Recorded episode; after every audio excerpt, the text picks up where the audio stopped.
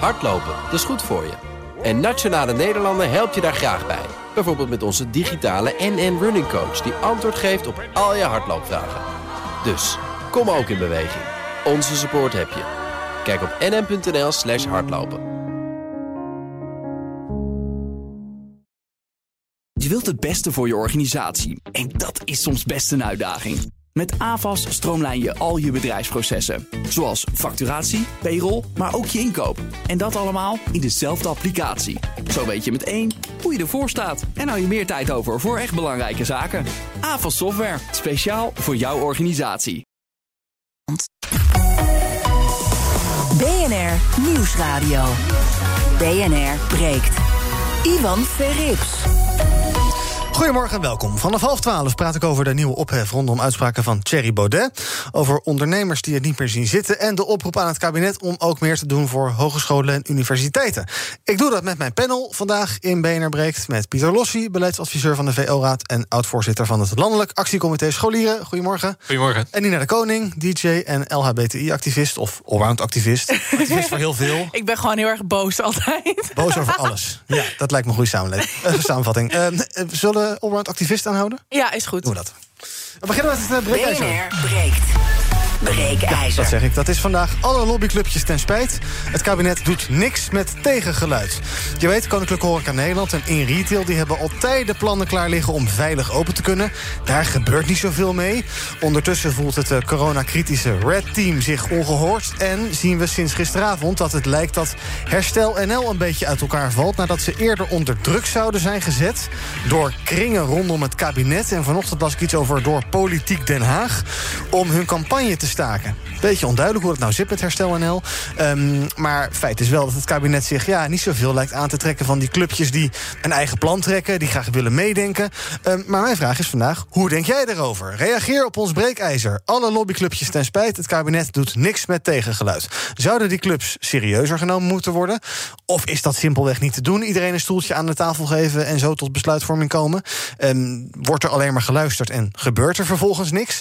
Praat mee over dit onderwerp. Uh, bel naar 020 468 4x0. 020 468 4x0. Of sluit je aan in ons clubhuis. En dat doe je via bnr.nl slash clubhouse. Welkom ook mensen die daar luisteren. Als je iets wil zeggen, steek even je hand op. Dan zie ik dat als het mee zit. Alhoewel het een klein handje is altijd. Maar ik zie dat meestal wel. En dan laat ik je aan het woord. bnr.nl slash clubhouse. Ook bij me is Thomas van Groningen. Onze politiek verslaggever. Goedemorgen Thomas. Goedemorgen, Iwan. Nou, dan meteen maar even met de deur in huis. Wat is jouw indruk? Staat het kabinet eigenlijk wel open voor tegengeluid? Of blijft het bij mooie verhalen en gebeurt er vervolgens helemaal niet? Nou, dat imago heeft het kabinet misschien dat het daar helemaal niet naar luistert. Maar dat is denk ik niet helemaal waar. Um, afgelopen zondag was natuurlijk het katshuisoverleg. En daarna lekte er van alles uit. Hè. De kappers zouden weer open gaan. En uh, uh, de scholen, middelbare scholen vanaf 2 maart. En je zag die avond er meteen wat veranderen in de samenleving. Grote brancheorganisaties die allemaal, als je ze opbelde als journalist, echt woedend waren. Hoe kan het nou? Als een kapper open kan, dan kunnen wij toch ook open?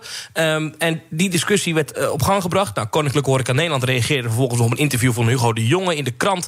Uh, met we gaan naar de rechten, we gaan een bodemprocedure starten. En je zag dat er daarna hele heftige reacties kwamen. En ik begrijp uh, in ieder geval uh, van mensen rondom het kabinet dat dat wel impact heeft gehad op het overleg dat dan gisteren weer heeft plaatsgevonden. Dat men wel degelijk rekening houdt met, oh, de plannen die we hadden, die, daar wordt heel heftig op gereageerd. En ehm, we weten daarom ook niet heel meer zeker of wat er toen uitlekte, of dat nog wel daadwerkelijk op stapel staat voor vanavond. Dus in die zin lijkt het erop dat er nu wel degelijk invloed is op, uh, op wat het kabinet besluit. Ja, want zijn ze dan bang voor uh, rechtszaken? Of zijn ze niet zozeer ergens bang voor, maar is het ook gewoon ja, meeveren met wat de maatschappij wil en wat alle die clubjes willen?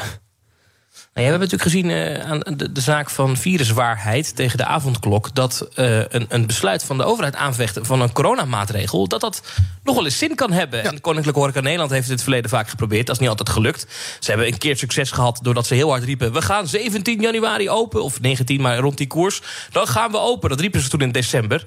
Of we moeten meer steun krijgen. Nou, niet tot meer steun kwam er toen. Nou, dat heeft toen te, dus toch geholpen. Dus uh, langzaam komt het besef ook wel bij organisaties... van ja, je kan hier gewoon iets tegen doen. Ja. Je, hoeft, je hoeft het er niet bij te laten zitten. Uh, en men is wel bang in Den Haag. En ik heb het wel van de week iemand horen zeggen... van ja, dadelijk zitten we iedere dag in de rechtszaal. Uh, de staat versus die club en dan weer versus die club... over een coronamaatregel. Ja. Daar zit men niet zo op te wachten. Dus de, de gesprekken met al die brancheclubs zijn wel echt in volle gang. Ja, voordat ik ga eh, praten met mijn panel in de studio, eerst even de oproep. Uh, praat mee in de uitzending. Bel 020 468 4x0 en reageer op ons breekijzer. Alle lobbyclubjes ten spijt. Het kabinet doet niks met tegengeluid. Of steek je handje op in Clubhouse. Ga naar bnr.nl/slash Clubhouse. Um, nog één vraag voor jou, Thomas, want dit ging eigenlijk meer over belangenclubs. Hè, Koninklijke Horeca Nederland in retail. Die hebben misschien ook een beetje dat klik en collect voor elkaar gekregen. Dus er gebeurt toch wel wat. Maar zie je nou ook mhm. echt beleidsveranderingen door clubs als de, de Red Teams en Herstel NL en Artsen COVID Collectief? Dat is daar, zie je daar nog een ander verschil met de belangenclubs? Ja, daar lijkt het toch niet echt op. En dat heeft er denk ik ook mee te maken... is dat zij echt een fundamenteel ander beleid willen. Dus kijk, wat die brancheclubs zeggen... ze willen een bepaalde maatregel anders zien. Nou, daar kan je nog eens over twisten. Wat bijvoorbeeld zo'n Red Team en zo'n Herstel NL... die zeggen, je moet de hele aanpak anders doen. Hè? Dus waar het kabinet nu stuurt op IC-capaciteit... en op uh, als het onder een aantal uh, besmettingen per dag valt... op indammen. Nou ja, dat is een bepaalde strategie die het kabinet gekozen heeft... in overleg met het OMT en de deskundigen als Jaap van Dissel. En die Red Teams en Herstel NL, hoe goed bedoeld ook, die zeggen: ja, je moet een heel andere strategie en visie erop toepassen. Ja, en dat, dat, dat, ik, ik, dat hebben we nog niet gezien. Dus ik, dat lijkt me niet dat dat gaat gebeuren eigenlijk. Nee. Um, bel nu 020 468 4x0. Reageer op ons uh, breekijzer. Ik heb uh, Rob Quist hangen en ook uh, Gulent. Die ga ik zo meteen aan het woord laten. Eerst nog een rondje in de studio. Pieter, jij bent actief voor de VO-raad. Yes. Jullie lijken er nu wel een soort van doorgekomen te gebroken te zijn. Want de scholen gaan deels open. Is dat deels dankzij de lobby? Of is dat ook omdat Hugo de Jong en Mark Rutte zelf het onderwijs gewoon heel erg hoog in het vaandel hebben staan. Ja, ik hoop natuurlijk uh, dat allebei het geval is. Maar het is zeker waar dat uh, het maatschappelijk middenveld van het onderwijs, waar de VO-raad dus een belangrijke uh, speler in is, invloed proberen uit te oefenen, positieve invloed op, op zo'n besluit. maar op zich ben ik het wel eens met de stelling. En ik ben niet de enige die het ermee eens is. Maar ook Mark Rutte en Hugo de Jonge hebben zelf erkend, zeker in het begin van de coronacrisis, hebben we eigenlijk te lang alternatieve geluiden die uh, we hebben weggezet als onredelijk, hebben we genegeerd.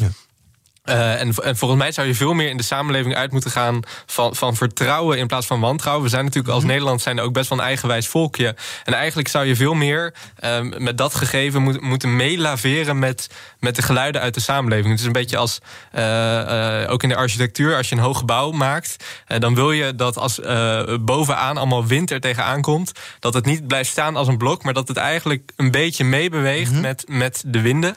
en volgens mij gebeurt nu dat nog te weinig en houden ze veel te veel vast uh, aan alleen uh, zo'n OMT-advies en te weinig aan algemene belangenafweging. dat is een mooie vergelijking met een hoog gebouw. Dankjewel. Lang over nagedacht? Nee, net. Oh, Nina, uh, vind jij ook dat, uh, dat, uh, ja, dat, dat het kabinet meer, moet, meer open moet staan voor andere clubs? Want ik kan me ook voorstellen, als iedereen vindt iets... Hè, we zijn met hoeveel miljoen virologen? Heel veel.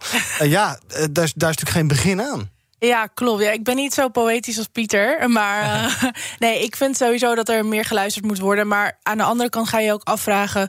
Um, moet iemand, moeten ze te veel met winden meewaaien? Dat is ook natuurlijk niet zo. Je moet natuurlijk wel uh, zeg maar een beetje hm. een soort van lijn hebben in wat je doet. Maar ik denk wel dat bijvoorbeeld uh, een Koninklijke Horeca Nederland... als wel de lobby's die gaande zijn binnen het nachtleven... ook heel duidelijk aangeven van... hé, hey, wij hebben ook heel veel plannen liggen... Ja. waar we iets mee proberen maar we komen er maar telkens niet door. Terwijl als je kijkt naar vooral de clubs en vooral de horeca... die weten heel goed hoe ze om moeten gaan met situaties... Uh, zoals bijvoorbeeld mensen die ja, lam zijn en, uh, en ja, of drugs gebruiken of zo. En dit, daar, daar moet je met beveiliging ook dingen mee gaan doen. En Er zit gewoon heel veel kennis uh, in die sectoren... over hoe je met situaties om moet gaan. En ik snap niet zo goed waarom daar niet naar geluisterd wordt. Of althans, alsof het lijkt dat er daar niet naar geluisterd wordt. Want we weten natuurlijk nooit wat er behind the scenes gebeurt. Nou, jij hebt geloof ik een keer zelf in een Tweede Kamerbriefing aangeschoven over de cultuursector. Klopt. Um, daar werd geluisterd, want ze zitten daar, dus ze moeten wel luisteren. Maar gebeurt er dan ook echt iets? Of is het alleen maar luisteren en dan hier? Nou ja, we hebben toen wel de field labs, uh, die zijn toen wel uh, wat, wat sterker uh, naar voren gekomen. Dus daar is wel iets mee gedaan. Maar ik heb daarna niet nog een briefing gehad van... hey, nee. dit en dit zijn de plannen of dit en dit hebben we uit jouw um, toespraak kunnen halen. Nee, daar, dat was totaal niet. We hebben verder geen briefing daarna meer gehad. Dus dat is wel jammer, want dan voel je... dan denk je, ja, ik steek er zoveel tijd en energie in. Ja. En wat krijg je ervoor terug? Ja, en ik, ik kan dat onderscheiden vanuit jongeren. We zijn, uh, ik vanuit mijn LAX-voorzitterschap dan, uh, langs geweest ook een paar keer uh, bij Rutte in het Katshuis. En een quote die hij letterlijk daar toen gaf, is: ja, wij, wij hebben nu een paar maanden nu die coronacrisis bestreden. En wij zijn echt uit de ideeën. Dus voed ons alsjeblieft. Ko- Kom met, eh, eh, met plannen, met, met initiatieven, noem maar op. Eh, en eigenlijk vind ik, voor mij, die initiatieven zijn er heel erg vanuit de samenleving. Maar op het moment dat die initiatiefnemers niet voldoende zien dat zij ook ondersteund wordt vanuit het kabinet, ja, dan dooft dat uiteindelijk uit. Ja. Ga een rondje bellers doen. Ondertussen roep ik jou op om ook te bellen. 020 468 4x0. Reageer op ons breekijzer. Alle lobbyclubjes ten spijt. Het kabinet doet niks met tegengeluid. Of spreek mee via Clubhouse. bnr.nl slash Clubhouse. Stek je handje daarop, dan zie ik dat. En dan laat ik je aan het woord. Maar niet voordat ik Rob, Gulent en Jan heb gesproken. En ik begin met Rob. Goedemorgen, Rob. Ja, goedemorgen met Rob. Ja, ik vind, eh, we hadden lang hiervan verlost kunnen zijn... als we gewoon dezelfde strategie gevolgd hadden... als in China en andere Aziatische landen. En dan waren we lang van deze landen verlost geweest. Net zo eh, hadden we het leven gehad zoals we het in China bijvoorbeeld ha- gehad hadden. Maar ja, die lobby, de lobbyclubjes die nu lopen te piepen... dat het allemaal versoepeld moet worden... die, hebben dat eigenlijk, eh, die zijn er mede voor verantwoordelijk... dat, we, niet zo, dat we nu in deze situatie zitten. Ja, dus jij vindt eigenlijk dat de lobbyclubs te veel voor elkaar hebben gekregen? Nou ja, we- weet je wat het, eh, weet je wat het is? eh, Er was toen een voor, ook voorstel om, om te zorgen van... je jaagt dat virus het land uit en zorg dat we het onder controle hadden. Maar ja, de teugels moesten los, de horeca, de jongeren en al soort dingen. Het virus is weer via Zuid-Frankrijk, via de vakantiegangers... daar is het weer rondgestrooid in Nederland, het is weer terug. En zo gaat het telkens. We hebben die zaagtand, het gaat op en neer. Kijk, de Chinezen die hebben het goed aangepakt. Wat dat betreft alle lof voor president Xi, wat je er ook van mag zeggen. en dat soort dingen. Nou ja, dat klinkt misschien heel raar, op dat punt wel. En ook in andere Aziatische landen. En dat we nu in deze situatie zitten, dat er maar geen eind aan komt. Dat er telkens meer belasting geldt ook. En er zijn mensen van diezelfde lobbyclubjes... die, die dat toen al dit soort zaken allemaal die, die, die hier tegen zijn. Ja, zo zitten we nu nog in de lende. Kijk, zo- Ma- zo Mag ik daarop inhaken? Ja, doe maar. Eh, je bent nu een communistische eh, eh, maatschappij aan het vergelijken met een westerse samenleving. Dat is natuurlijk appels met peren vergelijken. Dus eh, ik snap waar meneer naartoe wil, maar dat is totaal niet hetzelfde. Jij wil niet in China wonen. nee, Nee? Oh. liever niet, nee. Gulent of Gulent, goedemorgen. Ja, goedemorgen met Bulent Yildiz. Zeg het maar. Ja, ik, ja, ik, ik vind het eh, wel frappant wat je eigenlijk als je op straat met mensen praat, of wat, wat dan de mening is en wat je op tv of eh, eh, terugziet bij Rutte, dat komt helemaal niet overeen, vind ik persoonlijk. Want, wat, wat, welk, welk verschil zie jij?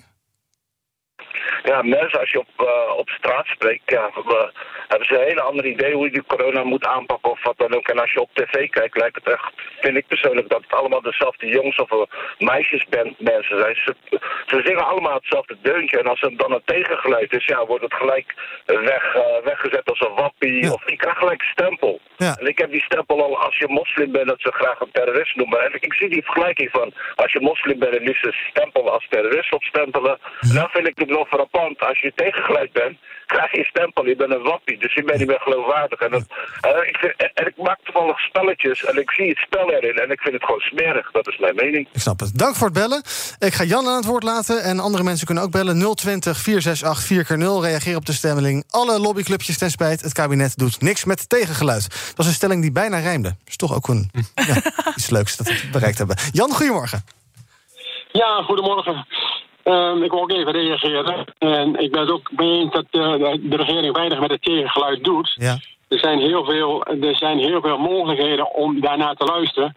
En als er iemand tegengeluid geeft, dan, dan eh, wordt iemand ook gauw weggezet als terrorist. Of, Ja. of wat dan ook. Dat kon je ook zien met, met, met eh, de andere mensen, dat hij met de drugs had gezeten. Maar in Canada doen ze iets anders. Dan zeggen ze gewoon.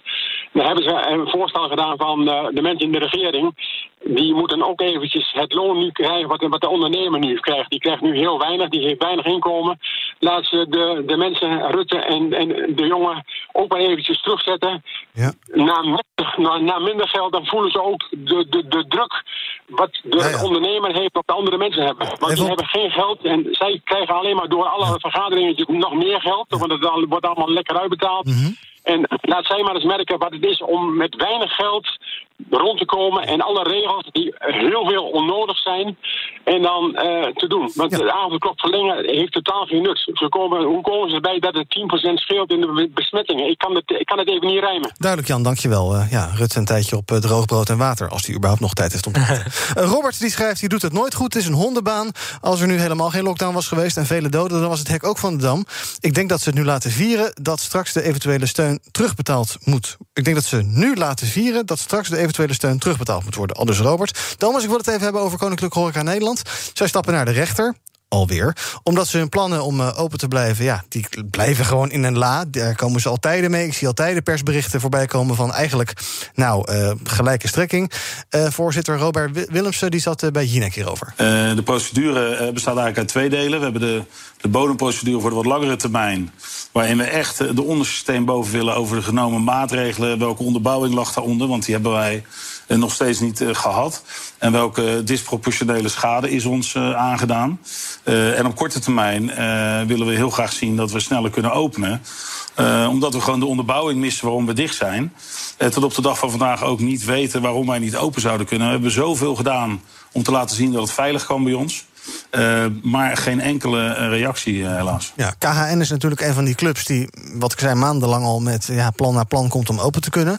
Um, ja. uh, zij hebben ook heel goed hun, hun PR voor elkaar. Want je ziet inderdaad, Robert Willemsen zie je overal terug.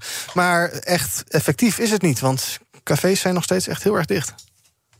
Ja, dat is ook, eh, als je kijkt naar landen om ons heen, uh, is dat overal moeilijk. Hè? De horeca is blijkbaar een plek waar ja, mensen in een café toch uh, gaan grillen, gaan elkaar gaan omhelzen, gaan dansen, gaan, noem maar op. En dat, dat zijn allemaal dingen waar dat virus zichzelf dan goed verspreidt. Dat zeggen ze in, in, in bij het RIVM. En daarom zegt het kabinet, die horeca moet, moet, moet dicht blijven. En moet ik zeggen, je ziet het ook in de landen om ons heen. En Nederland is echt niet het enige land waar de, de horeca al heel lang op slot zit. Mm um, wat wel interessant is, is dat ze gaan nu een bodemprocedure starten. Ik moest nog even denken aan uh, dat dat wel misschien een beetje spannend kan worden. Omdat dat gaat ook over die nieuwe coronawet. Hè. Die hebben we sinds uh, eind vorig jaar hebben we een coronawet. Die verving alle noodverordeningen. Is een beetje technisch. Maar uh, vorig jaar was het zo dat alle burgemeesters die zeiden... horeca moet in mijn gemeente dicht. En dat was dan landelijk afgesproken. En op een gegeven moment hebben we toen een landelijke wet gekregen... waardoor de minister dat soort dingen kan bepalen via een ministeriële regeling. Die kan zeggen horeca dicht. Um, maar dat moet, ik ben wel benieuwd wat de rechter daarvan vindt. En ik, ik, ja, ik, ik, het zou zomaar kunnen als daar misschien dadelijk weer zo'n verrassing uitkomt... als uh, met die avondklok. Terwijl ja. die onderbouwing niet goed is. Dus, ja. goed, we gaan het zien of dat, uh, of dat, uh, of dat zo is. Ja. Nina, denk jij dat het veilig kan, de horeca open? Soms krijg je wel een beetje het idee dat het kabinet de horeca haat. nou, dat vind ik een hele heftige opmerking. Uh, dat doe je expres omdat ik activist ben. Oh, nee, nee, nee, nee, Ik, ga daar even lekker vol in. uh, ja, nou, ik, ik denk dat het... Uh, het ligt natuurlijk aan wat voor horeca. Maar ik denk oprecht dat er in ieder geval de restaurants wel weer open zouden kunnen. Ik bedoel, daar kunnen echt wel veilige maatregelen worden genomen. Daarnaast denk ik ook dat als men zou kijken naar de plannen van de clubs... er ook best wel dingen mogelijk zijn. Want je hebt clubs met waar normaal gesproken 500, 600 bezoekers in kunnen. Daar kunnen best 150 man uh, nog een feestje hebben in een soort van bubbel. Um, er kunnen gekeken worden naar sneltests. Maar ik heb gewoon het idee dat elke keer dat je dit soort dingen um, zegt, dat het kabinet zegt: ja, leuk dat je dat zegt, maar we gaan weer lekker door met wat we aan het doen zijn. Hmm. Het, uh, en weet je, aan de andere kant wat ik zei, ik vind het ook niet dat je met alle winden mee moet waaien. Nee. Maar je moet kijken naar wat er mogelijk is. Want nu vallen er veel meer slachtoffers dan alleen de coronaslachtoffers. Je ziet ook mensen zwaar depressief worden. Je ziet mensen die niet uh, naar het ziekenhuis kunnen en daar dan weer uh, zieker van worden. Ja, het, het, gaat, zeg maar, het wordt nu erger dan dat het eigenlijk al was, denk ik. BNR breekt. Ivan Verrips. En reageer op ons breekijzer. Alle lobbyclubjes ten spijt. Het kabinet doet niks met tegengeluid. Ik ga zo meteen nog praten met Oscar, Jan, Walter en Wim. Die hangen nu aan de telefoon. En um, eerst wil ik nog heel even hebben met jou, Thomas, over Herstel NL. Dat is die groep van economen, artsen en wetenschappers... die pleiten voor het openen van de samenleving. Hè. Zij zeiden van ja, je moet, de, uh, je moet de samenleving eigenlijk in een soort zones verdelen. Veilige zones en zones waar mensen zeggen van nou, ik wil wat risico lopen... die dan daarin kunnen leven. Um, dat is de afgelopen tijd best wel een beetje afgekraakt. Nou was er gisteren opeens een bericht van van eh, Robin Fransman, die voorzitter van die club is. Die zei: Ja, we hebben mm, een beetje cryptisch, wat zei hij ook alweer? Kringen rondom het kabinet. Die hebben ons ja. gevraagd om even te, te, stoppen met onze campagne tot de verkiezingen. Nou zijn Barbara Baarsma, die is opgestapt. En uh, uh, nog meer leden, Koen Teulings, oud-CPB-voorzitter. Wat is daar aan de hand bij Herstel NL? Ja, dat is uh, heel vaag. En, uh, iedereen die we bellen bij Herstel NL, bij die club, die, uh, die nemen niet op of die reageren niet op appjes. Dus ik, ik kom ook niet echt verder met, met mijn antwoorden daar. maar het, voor, de, voor de duidelijkheid, Herstel NL, het, het, is een clubje mensen. Die, mm. Het zijn niet de minste. Hè. Het zijn economen die echt wel bij grote instellingen zitten. Die echt wel verstand hebben van zaken. Van de economie dan. Um, die met dit plan kwamen. Die ook een flinke duit geld hebben opgehaald bij donateurs. Om in heel Nederland bushokjes vol te hangen. Met die posters waar dan in staat. Er is een plan waarmee Nederland open kan.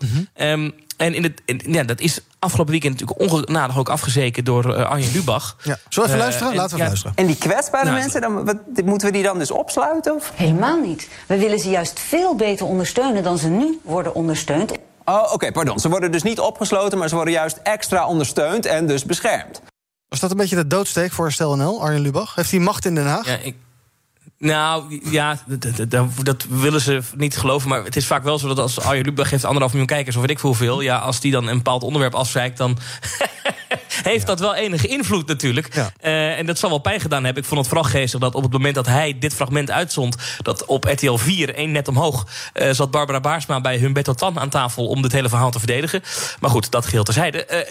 Uh, diezelfde avond nog zag je online de druk opgaan. Er waren mensen die echt pro-herstel NL waren. En er waren allerlei mensen die zeiden... ja, wat een waardeloos plan en dit kan helemaal niet. En toen kwam ineens gisteren dus dat bericht van Robin Fransman... die dus beweert dat van politieke kringen uh, hij onder druk gezet is om de campagne te stoppen. Daar is toen een overleg over geweest. En uiteindelijk uh, zegt hij dat ze niet toegeven aan de politieke druk om te stoppen. En dus gaat de campagne door. Nou, we hebben natuurlijk meteen gevraagd... wie zijn dan die, uh, die kringen in Den Haag? Mm -hmm. Nou, achter de schermen heb ik iemand gehoord die zegt... ja, het komt echt van het Binnenhof, maar namen worden niet genoemd. En op het Binnenhof zegt iedereen... ja, joh, uh, hier zijn we helemaal niet mee bezig. Nee. Dus we weten van niks. Dat zegt niks, hè. Maar het is een beetje een raar verhaal aan het worden. Ja. Pieter, uh, wat vind je ervan dat de politiek tegen clubjes zegt... Hè, het Red Team is ook al een soort van gedemotiveerd... om nog uh, actief deel te nemen. Dat de politiek zegt van, joh, doe het even nu niet. Het komt even niet zo lekker uit. Ja, volgens mij is, en daar is afgelopen tijd steeds meer bewijs voor... leiderschap wat gevoed wordt vanaf onderaf meer effectief dan leiderschap waarin vanaf bovenaf dingen worden, worden opgelegd of verteld. Uh, dus volgens mij zou juist uh, uh, zo'n initiatief van Herstel NL, maar ook de verschillende mensen met expertise. ik noem ook bijvoorbeeld eerder in de crisis Maurice de Hond, die op eigen initiatief bepaalde zaken heeft uitgevogeld. Veel meer moeten worden meegenomen. Ik snap aan het begin van de crisis dat je de lijntjes kort wil houden ja. en, en, en, dat, dat zaken stevig gecommuniceerd moeten worden. Maar nu na een jaar vind ik dat er er veel meer ruimte moet zijn voor, voor debat, maar ook voor twijfel. Ik zou het heel mooi vinden als Rutte en Jonge uh, ook laten zien dat zij uh, zaken niet met 100% zekerheid uh, tot uitvoering brengen, maar dat zij ook gewoon twijfels hebben over de zaken die zij doen. Ja, rondje bellers tot slot. Jan Romp, goedemorgen. Goedemorgen, maar Jan Romp het Eindhoven. Zeg het ja. maar. Ja, ja ik uh, vind dat ze echt te veel een lobbyen. Het is, uh, kom, niemand komt terug op het verhaal van dat een op de acht Brabants Limburgers uh, zelf immuniteit had opgebouwd. He, het genezingsproces dat mensen zichzelf weerbaarder maken tegen dit. Maar wat heeft dat met, lo- wat, wat heeft dat met lobby te maken? Nou, er wordt heel veel gesproken over een paar andere zaken, maar er wordt niet gekeken naar hetgene wat er eigenlijk gebeurt. Ja, ja. Dus, en daar bedoel ik mee van de maatschappij waar iedereen zegt, alles open en dan kunnen we gewoon verder gaan. En hetgene wat beschermd moet worden, kunnen we ook beschermen. En die kunnen ook zelf de maatregelen nemen. Want op dit moment ja, vind ik gewoon dat er alleen wordt gekeken van wat gaan we doen. En net als Rutte zelf, die heeft nooit een test ondergaan. Nee, ik ook niet. Nooit. Nee. Ja, je ook niet. Nee. nee. maar ik bedoel, als je een bepaalde verantwoordelijkheid hebt, moet je ook een bepaalde test ondergaan ja, om te kijken of dat je werkelijk ook. Ja, zou ik dat doen hoor, als ik, als ik me ziek voel, maar ik voel me niet ziek, dus dan valt er niet zoveel te testen. Walter Wortman, goedemorgen. Ja, goedemorgen. Zeg het maar. Uh, ja, ik wou eigenlijk zeggen, het medicijn is erger als de kwaal. Mm -hmm. Dus? En uh, er, is, er is laatst op televisie was een dokter... en die vertegenwoordigt uh, duizend artsen, zeg maar. Ja. En die hebben een brief gestuurd naar, Rutte... om, om een ja, protest een beetje aan te tekenen... dat het zo niet goed gaat en zo. Mm -hmm. en, en, en die mevrouw die, die heeft nog niet eens zijn bericht teruggekregen. Nee. Dit is toch schandalig gewoon wat er gebeurt. Dus er moeten meer mensen mee praten, ik snap het. Dankjewel. Oscar, goedemorgen. Ja, goedemorgen. Zeg het maar. Uh, ik vind de reden waarom we uh, nog steeds alles dicht is en dat we nog niet open mogen, het ligt allemaal bij onszelf. Als we nou in het begin, vorig jaar maart, april, mei, uh, ons allemaal hadden gehouden aan de anderhalve meter, niet dit of niet dat, eh, dan, had, dan had de overheid tijd genoeg gehad om, om dan te kunnen kijken voor een vaccin bijvoorbeeld of andere dingen. Eh, dus, dus het heeft een groot deel ook met onszelf te maken. Ja. Oké, dankjewel. Het heeft niet zoveel met de breekijzers te maken, maar dank voor het bellen. Tot slot, Wim Boelens, goedemorgen. Ja, goedemorgen. Voor het eerst in mijn leven reageer ik via jullie. Wat goed. Ik, eh, eh, het is zo dat ik uh, herstel en help volkomen eh, waardeer. En het is een moeilijke boodschap. Maar over de stelling. Eh Maurice de Hond, al vanaf maart jongsleden eh, actief eh, op dit gebied. Hij zegt, meneer Rutte, ja, ik ga in gesprek met meneer de Hond. Het is nooit, nooit, nooit, nooit, nooit gebeurd. Kijk maar ook bij de blogs. Als ik naar de hoofdredactie van de Trouw, de Volkskrant reageer, het wordt genegeerd. Dus de, de MSM negeren andere geluiden. Meneer Rutte en meneer Jonge ook. En dan verder, meneer De Hond kan veel beter rekenen dan meneer Rutte. Die laat zich inderdaad potentieel, ik zeg niet potentieel verkeerd voorlichten. Meneer Boelens. Die hebben van Dissel. Meneer Boelens, zi- zijn wij ook MSM? Eh Maurice de Hond gehad, dat vond ik prima. Dat, dat is een grensgeval, zou ik het zeggen. Oké, wij zijn een grensgeval. Probeer nou nee, jullie, jullie doen het nu goed. Oké, oh gelukkig. Maar blijf er scherp op en kijk bij Maurice de Hond. De man is niet dom en hij komt niet aan de bak. Ik vind het zeer... ver- Mijn vraag, vraag nou is Maurice de Hond en eh, meneer Van Dis of zo in een gesprek. Dat zou ik willen. Dat is nodig. Dank u wel, meneer Boelens. Ik geloof dat um, eh, ja, Van Dissel dat trouwens niet wil. Maar goed. Thomas, heel kort nog tot slot. Ik hoor overal de rek is eruit. Hoe lang kan het kabinet eh, ons land nog op slot houden? Geen idee, maar eh, waarschijnlijk is de volgende persconferentie alweer 9 maart. Dus misschien dat we dan alweer wat meer versoepelingen krijgen. Zo vlak voor de verkiezingen of niet. Ligt er een beetje aan eh, wat de besmettingen de komende weken gaan doen. Ik zet hem op mijn agenda in mijn eh, kalender. Dankjewel, Thomas van Groningen, politiek verslaggever in Den Haag. En zometeen gaan we verder met BNR Breek. Dan blikken we alvast vooruit op die persconferentie van vanavond. En we bespreken de ophef rondom uitspraken van Thierry Baudet. Tot zo. BNR Nieuwsradio. BNR breekt. Ivan Verrips. Welkom terug bij de MSM. Mijn panel vandaag. Pieter Lossi, beleidsadviseur van de VO-raad. En Nina de Koning, DJ en activist. En eh, we gaan het hebben over het eh, nieuws van dit moment, van vandaag. Eh, we hebben het er net al uitgebreid over gehad. Over alle verschillende belangenclubjes. En hoe zij wel of niet meepraten in het coronabeleid. Nou, vanavond werden die dan succesvol zijn geweest. Ehm, er leek zondag een en ander uitgelekt van het katshuisoverleg.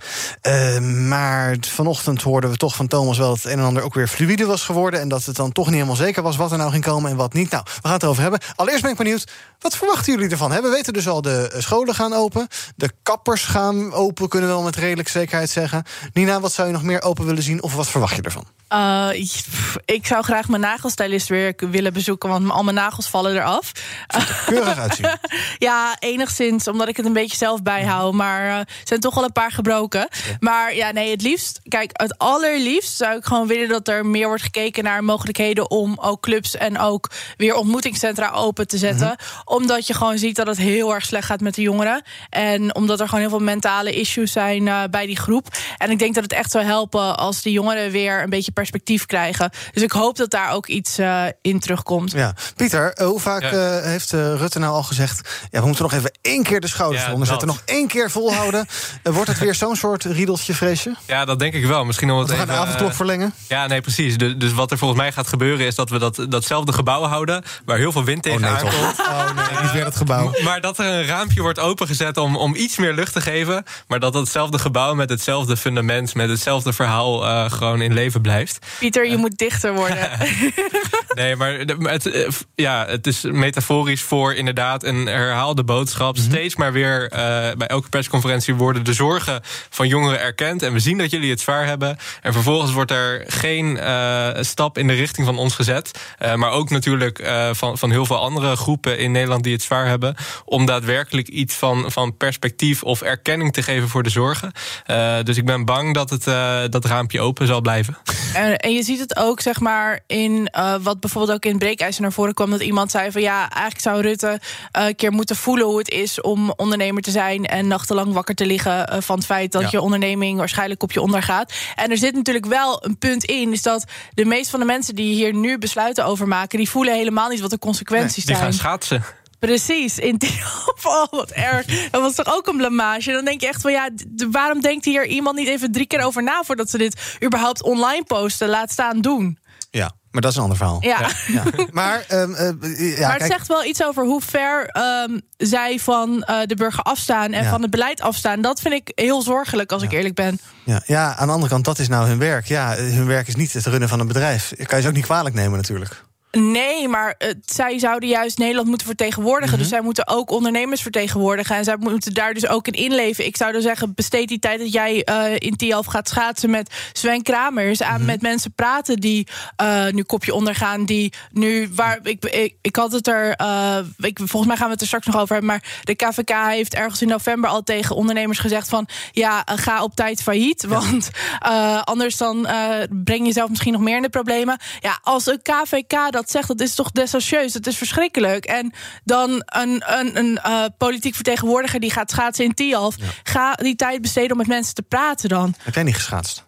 Nee. Hij heeft ook buiten geschaatst, dat mag wel. Ja, maar alsnog, nou, dat, vond ik, dat vond ik ook belachelijk dat iedereen ging schaatsen. Maar goed, Dat gaat schaatsen. Oh, oké. ik was altijd boos, weet je nog. Oh ja, dat is waar. Sorry. Pieter, eh, wat denk jij? Kan het kabinet eromheen dat ze, ja, dat ze, dat ze, dat, dat ze meer perspectief moeten bieden aan alle sectoren? Je, kan- je- hoe lang komen ze nog weg met boodschappen van ja, we moeten nog even volhouden? Nog drie weken avond tot drie weken avond. Oh ja, nog drie. Ze, ze, ze komen ermee weg. En eh, als je kijkt naar de peilingen, dan eh, gaat Rutte stijf vooraan. Ja. En daarna het CDA. Dus het is, eh, nou, we zijn er allemaal blijkbaar heel tevreden mee. Hoewel het wel aan een dalende lijn zit. En, en eh, vrijdag, eh, geloof ik, komt de gedragsunit van het RIVM ook bijeen. Om te kijken hoe zit het nou met, met het draagvlak onder Nederlanders. We hebben natuurlijk ook die avondklokrellen gezien. En, en steeds meer onrust wat begint toe te nemen in Nederland. Als je kijkt naar de snelweg en de files die er staan... trekken ook steeds meer Nederlanders hun eigen plan. Dus volgens mij juist als je het virus wil bestrijden... moet je er juist voor zorgen dat je het draagvlak ook meeweegt... als variabele in de keuzes die je maakt. En eh, volgens mij gebeurt dat nog te weinig. Ja, 100 procent. En een vriend van mij ging onlangs met de avondklok, ging die, moest hij eh, in de auto. En toen zei hij: Ik zag overal auto's. Het was alsof er helemaal geen avondklok bestond. Ja, dan zie je toch echt wel dat het draagvlak gewoon bijna weg is. Is het goed eigenlijk dat mensen hun eigen plan trekken? Dat ze denken, pff, nou ja, weet je, eh, als de overheid het niet regelt, ga ik het zelf wel regelen. Nee, eh, niet als het eh, onrechtstatelijk is. eh, wel als het eh, burgerlijk ongehoorzaam is. Mhm, daar ben je wel voorstander van. Een Ja, ik, ik, ik vind om, om- mensen scherp te houden in, in deze crisis... zeker omdat je natuurlijk ook een controlerend orgaan... als, als de Tweede Kamer behoorlijk uitschakelt al eigenlijk een jaar lang... dan vind ik best dat iets van tegenmacht eh, nodig is. En we weten ook gewoon, we zien dat dus bij Baudet... wat we straks nog gaan bespreken... Mhm. dat als je die tegenmacht weghaalt... dat dat uiteindelijk niet altijd het wenselijke resultaat heeft... voor de machthebbers. Ja. Ja, en het is natuurlijk ook logisch hè, dat mensen bijvoorbeeld, kijk, we we hadden het net over schaatsen. Ik snap best dat mensen het ijs op gaan en dat er eigenlijk meteen een feestje van wordt gemaakt. Want mensen missen dat gewoon. Die missen dat, dat ze weer een beetje sociaal contact hebben en iets leuks kunnen doen. Dus het is heel logisch. Maar het is niet handig. Het is veel beter om dan, als je dat dan toch al ziet gebeuren, daar beleid op te maken en dan te kijken hoe je dat eh, gecontroleerd kan doen. Ja, jij noemde al even die corona-gedragsunit van het RIVM. Die komt inderdaad vrijdag weer met cijfers. Zij zeggen ook van ja, de mensen die staan wel achter. De mensen, maar goed, die staan wel achter het beleid. Maar ze vinden het wel lastig om het vol te houden. Is dat wat jullie herkennen? Ja, ik. Eh, staat achter het beleid, maar je vindt het lastig vol te houden. Nou ja, we, we kunnen niet anders. Eh, ik denk dat er een. Ik denk dat ik met je heel veel mijn. Museumplein demonstreren. Eh, ja, dat kan. Maar ehm, dan zie je toch dat, dat er alsnog niet echt veel verandering komt. Dan hoor je een, Rutte zeggen: ja, we gaan niet zoeken naar een sociologische oplossing voor dit probleem. En dan denk ik, ja, dan, dan heeft het ook niet heel veel zin dat ik op het Nee. museumplein ga staan. Maar ik denk dat heel veel van mijn leeftijdsgenoten eh, en ik inclus, dat wij allemaal zoiets hebben van ja, we proberen ons er maar gewoon aan te houden, want we hebben geen andere keus. Maar als je dan ziet dat er ons niks eh, aan perspectief wordt geboden, dan word je op een gegeven moment wel heel erg verdrietig. Zou het voor jou goed zijn als er eh, gisteren had eh, Boris Johnson een persconferentie? die komt dan met een soort routekaart met echt concrete data erop. Ook, ook openingen die misschien wat in de langere termijn liggen, maar dat je toch iets meer, ook voor jouw sector, dat je iets meer een, een beeld hebt van, nou, zo zou de toekomst eruit kunnen zien. Want we hebben, we dat hebben, wel- we hebben drie dat- of vier routekaarten gehad, maar ja, ik zou dat wel willen, maar in de UK is de situatie qua vaccineren gewoon heel anders. Het is hier gewoon een zootje en daarom kan dat ook niet. Je kan niet eh, die data geven zoals in UK dat waarschijnlijk wel kan. Dus dat is het eh, verdrietige eraan.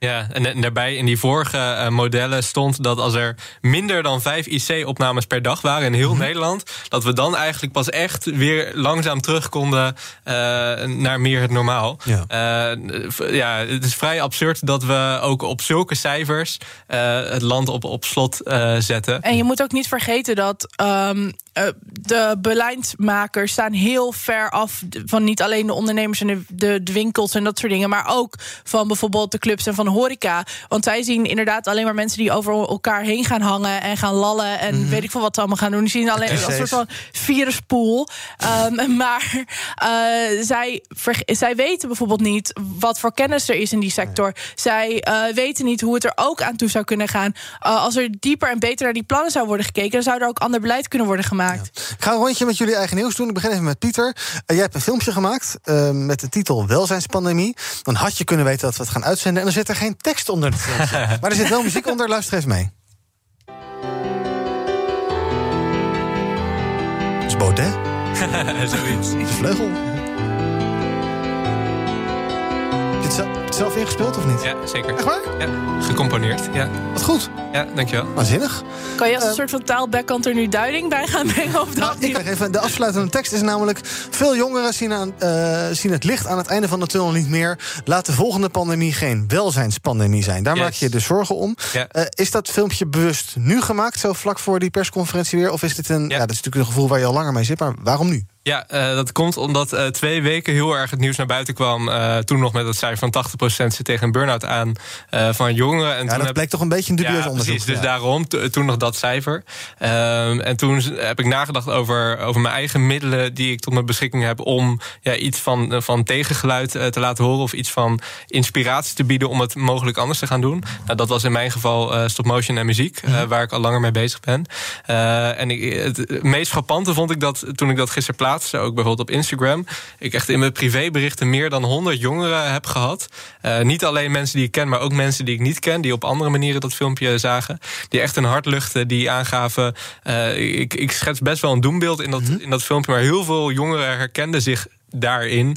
Uh, en, en waren er eigenlijk ook door geraakt om op zo'n confronterende wijze te zien ja, hoe, hoe zij zelf deze pandemie ervaren. Ja. Uh, dus, en daarmee die welzijnscrisis, dat is nu voor mijn gevoel echt, echt een stille crisis, wat bij heel veel jongeren, maar ook niet-jongeren uh, aanwezig is. En ik ben bang dat als we niet gaan kijken hoe bijvoorbeeld dat ook invloed heeft op de levensverwachting op lange termijn en op de gezondheid en op uiteindelijk ook prestatie en, en productiviteit, maar ook welzijn uh, en, en geluk. Uh, dat we dan uh, ja, te kortzichtig bezig zijn ja. met het bestrijden van deze gezondheidscrisis. En te weinig kijken naar die mogelijke structurele pandemie die hieruit ja. kan voortkomen. Nina, volgt er na deze coronapandemie een welzijnspandemie? Um, nou, ik denk dat Pieter wel een heel goed beeld schetst. En ik heb het filmpje toevallig ook gezien. En ik denk dat het echt heel erg spot-on is. En dat maakt me ook heel erg veel zorgen. Ik had het uh, vorige keer dat ik hier was over een vriendin van mij... die uh, inmiddels overleden is omdat ze zelfmoord heeft gepleegd... Uh, binnen de coronatijden. Ja, dat zijn dingen, dat raakt je gewoon heel erg. En, en, en dat, helaas is zij niet de enige die dat heeft gedaan. Dus er zijn, er zijn al... Ja, er is eigenlijk al zoiets gaan als wat jij schetst. Ja, dat is een zwart beeld. Ja. Dat is echt heel heftig. Uh, hoe belangrijk is onderwijs daarvoor? Want de LSVB komt vandaag ook met een oproep. Zij zeggen, ja, studenten aan hbo's en universiteiten... die vallen bij bosjes neer. Het kabinet trekt zich daar niks van aan.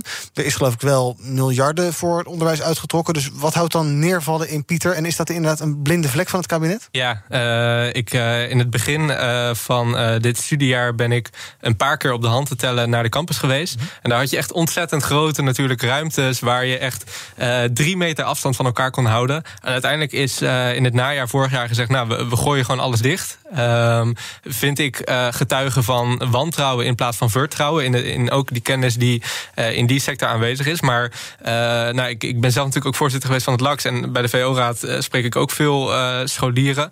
En daaruit blijkt echt dat, dat onderwijs niet per se...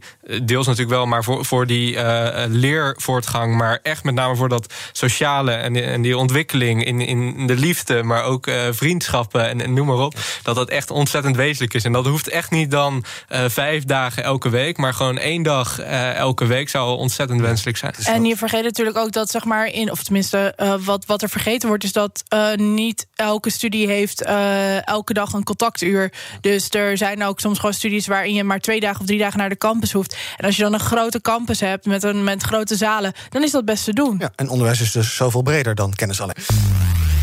BNR breekt. Laatste kwartiertje nog, wat zeg ik? Laatste negen minuten van BNR breekt. In mijn panel vandaag Nina de Koning, DJ en activist... en Pieter Lossi, beleidsadviseur van de VO-raad. Nina, ehm, eh, jouw nieuws sluit ook aan bij eh, ja, het gevoel van de dag. Want je zei het al, ondernemers besluiten steeds vaker... om eh, er maar zelf mee te stoppen. Je zei de KVK riep daar een soort van toe op... van joh, laat het niet in de ellende lopen dat je faillissement moet aanvragen... maar stop er dan maar zelf mee. Nou, ik zei het al, jij bent DJ, actief in het Amsterdamse nacht- en clubleven... wat nu natuurlijk helemaal stil ligt. Is dit iets, ja, dat zie je dus ook. Wat, wat zie je om je heen gebeuren op, op dit gebied als het gaat om ondernemen? Nou, ik wil het nog wel een beetje gezellig houden vandaag. Maar eh, ja. Het, eh, het is echt heel, heel, heel, heel erg zwart wat er nu gaande is. Eh, er zijn heel veel clubs die waarschijnlijk gewoon om gaan vallen. En met omvallen bedoel ik ook, want het staat ook in het artikel eh, wat ik had doorgestuurd van de NOS.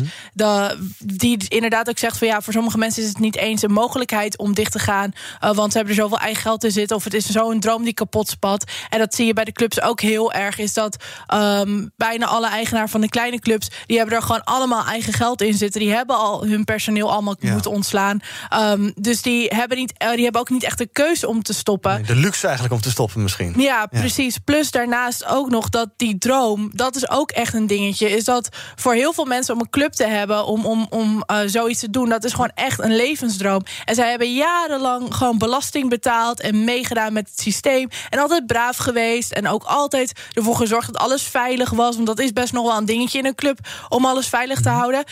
En die zien gewoon dat er gewoon letterlijk niet op hun wordt gereageerd. Uh, ze zien ondertussen alle cijfers steeds roder worden. En hun hele droom van die club hebben van, van zoiets moois opbouwen.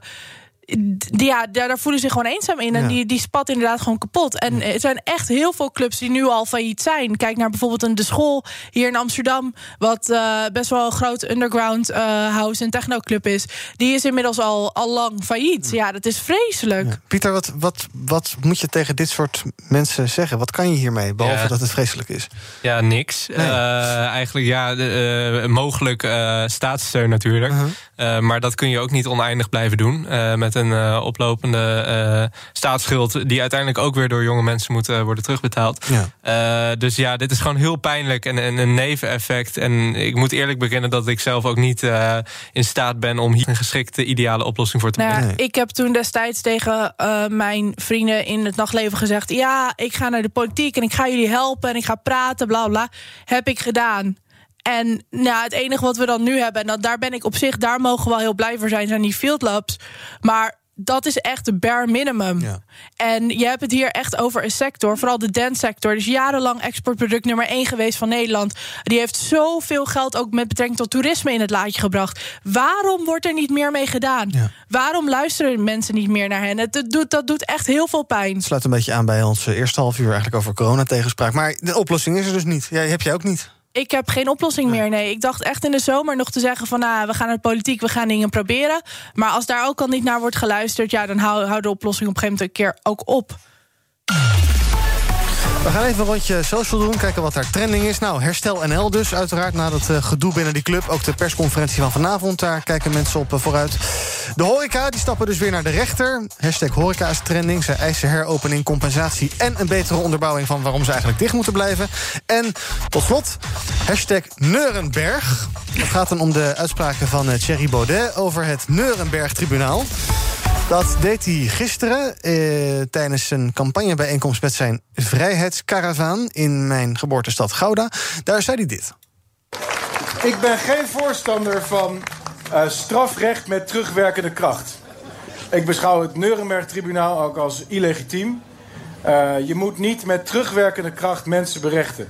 Wat je gewoon moet doen is via democratische weg eh, dit regime wegstemmen. Ja, dit gaat natuurlijk over uh, Nuremberg, hè, het tribunaal waar nazi-kopstukken werden berecht na de Tweede Wereldoorlog.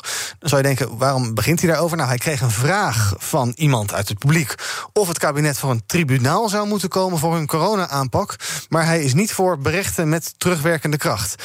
Um, een Nuremberg-tribunaal, is dat een pakkende vergelijking, Pieter? Ja, nee, dit is echt uh, gif. En, en we moeten dat aanpakken en tegelijkertijd ook niet uh, te, te, veel aandacht geven. Mm -hmm. Maar als je uh, eigen gewin hier zo, want, want dat is het, want hij krijgt veel aandacht en, en men reageert erop. En dat ja, uh, boven, uh, en eigenlijk daar misbruik van maakt, boven heel veel leed in, in de geschiedenis. Ja, dat, dat is ontzettend pijnlijk. Ja. En je ziet ook een soort tegenreactie nu, hè? Want vanochtend, ik weet niet of het trouwens iets mee te maken heeft, hoor, maar dat denk ik gewoon. vanochtend waren er posters beklad van mm -hmm. Rutte. Ja, ja, ja, ja, En Hugo Mengelen en dat soort dingen. Dus ik denk dat op zich de vergelijking treffend is, maar ik denk dat die heel erg walgelijk is en, ja. en, en dat misselijk maken. Ja. Dat kan je gewoon niet doen. En hij zet anderen daarmee aan om uh, andere dingen te doen die niet oké okay Ja, en dan ook weer die, uh, die uitleg. Nou, zelf zegt hij: ik vind het allemaal niet zo schokkend, want ik heb dit al in een proefschrift geschreven. Dus ja, dit is allemaal geen nieuws. Ja, daarom. Mensen zeggen al jaren van ja, waarom uh, kijken we niet scherper naar Baudet? Maar wordt die, waarom gaan mensen er niet kritischer op zijn? Mm -hmm. dit is natuurlijk ook weer zo'n voorbeeld. Dan heeft hij dus blijkbaar al geschreven. Waarom is er hier niet meer mensen op, uh, ja. op ingehaakt? Blijkbaar is hij dus al jarenlang. Nou goed, ik ga dit niet. ik zal me weer houden van uh, natievergelijkingen ja. richting Baudet. Maar um, blijkbaar doet hij dit dus al heel lang. Hm. Dat is trouwens niet de enige opmerkelijke uitspraak die hij deed. Ik ga nog even een quote laten horen en daarna vraag ik niks. En dan mag degene die als eerst wil reageren, die mag dat doen. Succes. Niemand krijgt eigenlijk vat op hem. Het is een man zonder eigenschappen, als het ware. Daarom dat ik ook die vraag stelde tijdens dat debat. Van wanneer heeft hij nou eens een keer gehuild? Ik had natuurlijk veel beter kunnen vragen... wanneer heeft hij voor het laatst geneukt? Maar daar was ik toen nog een beetje te bleu voor. Maar dat was echt de vraag die ik wou stellen. Maar uh, wat ik eigenlijk bedoelde te vragen is... wat voor mens bent u? Ja, het, het, favoriete onderwerp van Baudet is volgens mij Baudet zelf. Uh, en dan, dat laat dit ook weer heel erg uh, goed zien. Ja, uh, ik kon niet reageren, want ik was aan het feestbalmen. Maar dit is echt... Oh, het is ook echt... Dit is zo typisch weer. Dan wel weglopen bij een Emma Wortelboer. Maar dit kan blijkbaar wel. En het ook nog zeg maar zeggen van... Wanneer heeft u voor ja, wauw, je gaat toch echt je afvragen in, hoe, in hoeverre die, deze man inhoudelijk is qua hm. politiek. Nee, daar komen wel veel mensen op af. Ja, om populisme komen inderdaad heel ja. veel mensen op af. Dus het werkt? Nou ja, ik weet niet of het werkt. In de peilingen valt het wat tegen, geloof ik. wou net zeggen. En daarnaast, uh, hij is gewoon karaktermoord op zichzelf aan het plegen op dit moment. En dat uiteindelijk, als hij straks niet meer als vorm voor democratie uit elkaar klapt, heeft die man niks meer. En dan is hij gewoon een lachertje. En dat is, ik vind dat eigenlijk echt heel erg dom. Ja. Ik zag een artikel in NRC waarbij uh, er wordt geschetst dat de campagne van Baudet steeds meer begint te lijken op die van Trump. Yes. Trump is weg, daar is Baudet, de nieuwe Trump. Is dat iets wat je herkent, Pieter? Zeker, omdat hij ook aangeeft, we hebben eigenlijk een uh, civiel leger nodig van, van burgers. Oh ja. En ook al vragen stelt over de integriteit van de verkiezingen die er aankomen. Uh, dus volgens mij is dit gewoon uh, heel goed, of ik moet eigenlijk zeggen heel slecht uh, afgekeken van Trump. -huh. Maar dat lijkt me tamelijk giftig. En dan zeg, dan zeg je ook, daar moeten we niet zoveel aandacht aan besteden. Aan de andere kant, als we dat niet doen, dan blijft hij er gewoon over doorgaan. Nee, daarom. Dus, ja. dus je, je moet er misschien wel uh, uh, afkeer tegen uitspreken. Mm -hmm. uh, maar we moeten echt zorgen dat we verre van serieus naar zijn standpunt en zijn, naar zijn uitspraken gaan, gaan kijken. Nou, kijk, dat... dat... daar wil ik wel iets tegen inbrengen. Ik weet dat er heel veel mensen zijn die op hem stemmen omdat ze een centrumrechts geluid willen. En die zien in hem echt niet iemand die, ja, die, die, die lachen deze dingen een beetje weg. Zo van, oh, hij is weer mal, weet je wel. dus ik denk dat ook wat we met Trump hadden, hè? Ja, en ik, maar ik denk dat de mensen die op hem stemmen... niet per se allemaal net zulke clowns zijn als nee, Baudet. Dus hoor. ik denk nee, dat tuurlijk. dat is dus het lastige eraan. Kijk, ik zou ook zeggen, geef het geen aandacht. Maar dan geef je dus ook geen aandacht aan de mensen... die daar wel serieus in zijn. En die wel gewoon naar een ander rechtsgeluid snakken. Maar, maar het lastige is, we weten toch dat Baudet zo is. En, en dit is nu een paar keer herhaald.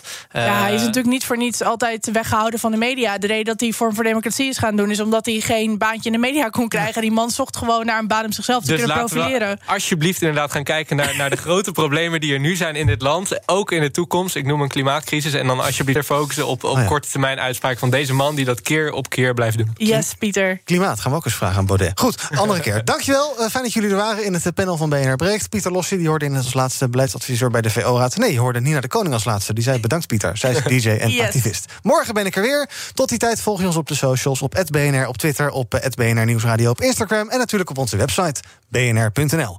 Zometeen zaken doen met Hardlopen, dat is goed voor je.